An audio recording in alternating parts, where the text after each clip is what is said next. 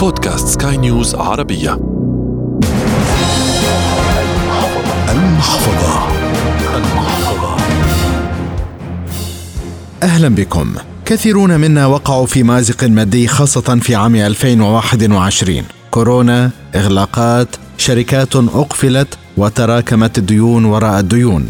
وفي المحفظة خلال العام كنا ننتج بعض الحلقات لزيادة الدخل عن طريق بعض المهن المستقبلية وكيف يتعامل الشخص مع فقدانه لوظيفته والكثير في هذا الخصوص. وجانب التوفير كان أكبر الجوانب كما جرت العادة. نستعرضه في هذه الحلقة من المحفظة والتي تأتيكم عبر منصة بودكاست سكاي نيوز عربية على أبل جوجل سبوتيفاي وأنغامي. والعديد من المنصات الأخرى معي أنا أحمد لاغا نعود لحيث بدأنا. العام الثاني ونحن نحاول التعايش مع تداعيات فيروس كورونا بكل ما فيه من صعوبة صحية اجتماعية واقتصادية. بدورنا في برنامج المحفظة أولينا هذا الموضوع مساحة كبيرة من الحلقات على مدار العام. الهم الأكبر كان محاولة التوفير. فمثلا كان هناك حلقة تحمل عنوان فوائد اللقاح ليست صحية فقط واستضفنا فيها خبيرة الاقتصاد المنزلي سميرة الكيلاني والتي أعطت بعض الطرق لصنع المعقمات في المنزل كمان في عنا ال wet wipe اللي هي هلا عم نستعملها بشكل يومي بما إنه كورونا لسه مسيطر على الأجواء والكل بده يعقم إيديه. فممكن نعمل هاي ال wet wipe بطريقة كثير سهلة. رح نكون بحاجة لفوط قطنية. ممكن نجيب فوط قطنية بشكير صغيرة بشكير قديم عنا بنقصه لمربعات مرتبة وبندرج حواليه. وبنحطهم في علبة أو في مرتبان أو يعني المتوفر. رح نحط فيه كوب من المي ورح نحط فيه معلقة صغيرة من شامبو الأطفال. وكم من نقطة من زيت جوز الهند ممكن كمان نضيف عليه زيت عطري زي الورد أو اللافندر. برضه بعطينا ريحة كثير حلوة. فإحنا بهاي الحالة عملنا بديل لل wet wipes اللي هي كلها مواد كيماوية وكلها كحول. الأمهات اللي عم بيستعملوها لأطفالهم عم بيلاحظوا إنها عم تأذي الجلد بعد فترة. بعد ما نخلص هاي الفوط ممكن نرجع نغسلهم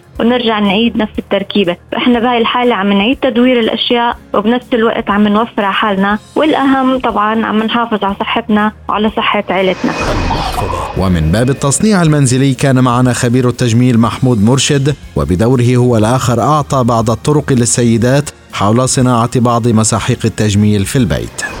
ال make up أصلا بيتصنع من إيه؟ بيتصنع من عنصرين مهمين قوي، أول عنصر اسمه ال pigment ودي المادة الصبغية، المواد الصبغية يعني مثلا أنا لو عايز أعمل روج أو make up أو أحمر شفايف لونه أحمر، يبقى ال pigment بتاعه هو الأحمر، powder لونها أحمر، ال powder مش هتمسك على الشفايف فمحتاجه حاجة اسمها vehicle زي مادة وسيطة بيتحط فيها ال pigment ده وبيبقى بلزوجة معينة و quality معين. وتقدر الست بعد كده تستخدم المسحوق اللي اختلط ال vehicle بال pigment ويتحط كأنه روج. ال pigment ممكن تبان في كل العلب لون واحد أو لون الروج يبان إن هو في كل الماركات لون واحد. لكن الحقيقة ده وهو في العلبة. لكن أول ما بنستخدم على الشفايف أو على ال make up بصفة عامة أو على الوش بصفة عامة بيبقى خفيف جدا. دي أول خطأ فيه. بس مش هي دي الكارثة. الكارثة في المادة الثانية اللي بتتبدل اللي هي الدهون والزيوت اللي بتستخدم ال vehicle اللي بيتحط فيها ال pigment عشان تقدر تعمل المنتج. الحاجات المسموح بيها تتحط على البشرة بتاعت البشرة الآدمية حاجتين. ثلاثة غاليين جدا زي زيت اللوز مثلا زي جل الألوفيرا جل الصبار. الحاجات دي إذا استبدلوها يعني مثلا الحاجات المضروبة أو الحاجات اللي بيطلق عليها مضروبة أو مزيفة بدل ما بيحطوا الزيت بتاع اللوز بيحطوا زيت مستخرج من البترول.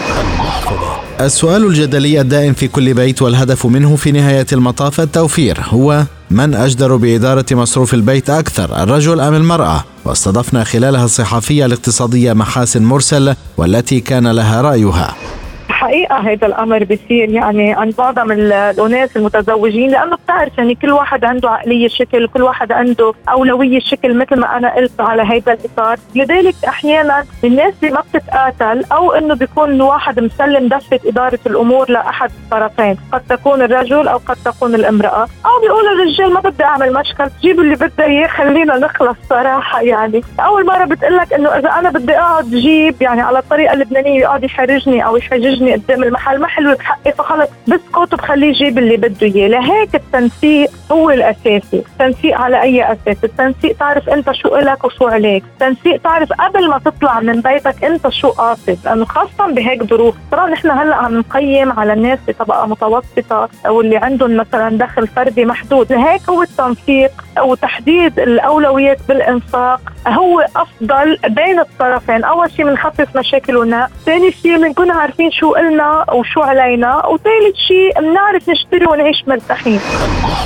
وللأطفال خلال عام 2021 كان هناك حصة حيث كان موضوع المصروف المدرسي حاضرا في أحد الحلقات. الباي أو الأم اثنيناتهم لما بدهم يحددوا المصروف تبع أطفالهم بدهم يحددوه على حسب ميزانية البيت. اولا بيعرفوا إنه ميزانية هذا الشهر تبع البيت هالقد قيمته. بدنا نقسمه على أساس عنا مصروف أولادنا. مصروف أولادنا هو على عدد أفراد الأسرة. كم ولد عندي؟ بنقسم هذا المصروف تبعولهم. كمان على حسب حاجاتهم. إذا عندي ولد بالثانوي وإذا عندي ولد بالإعدادي وعندي ولد بالابتدائي كمان بقسم له المصروف حسب حاجاته. لأنه بيختلف مصروف الابتدائي عن مصروف الإعدادي وعن مصروف الثانوي. بصير الولد الأكبر أكيد بدنا نعطيه مصروف أكثر بدنا نعطيه بركي شهري الشاب أو الصبيه اللي بالثانوي بنبقى بنعطيه مصروف شهري اللي بالمتوسط بالإعدادي فينا نعطيه أسبوعي وبالابتدائي مصروف كمان أقل وبيكون يومي. وبدنا نفسر للاولاد لحتى ما يحسوا إنه في تمييز.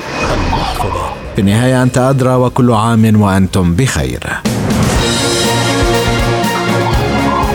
المحفظة.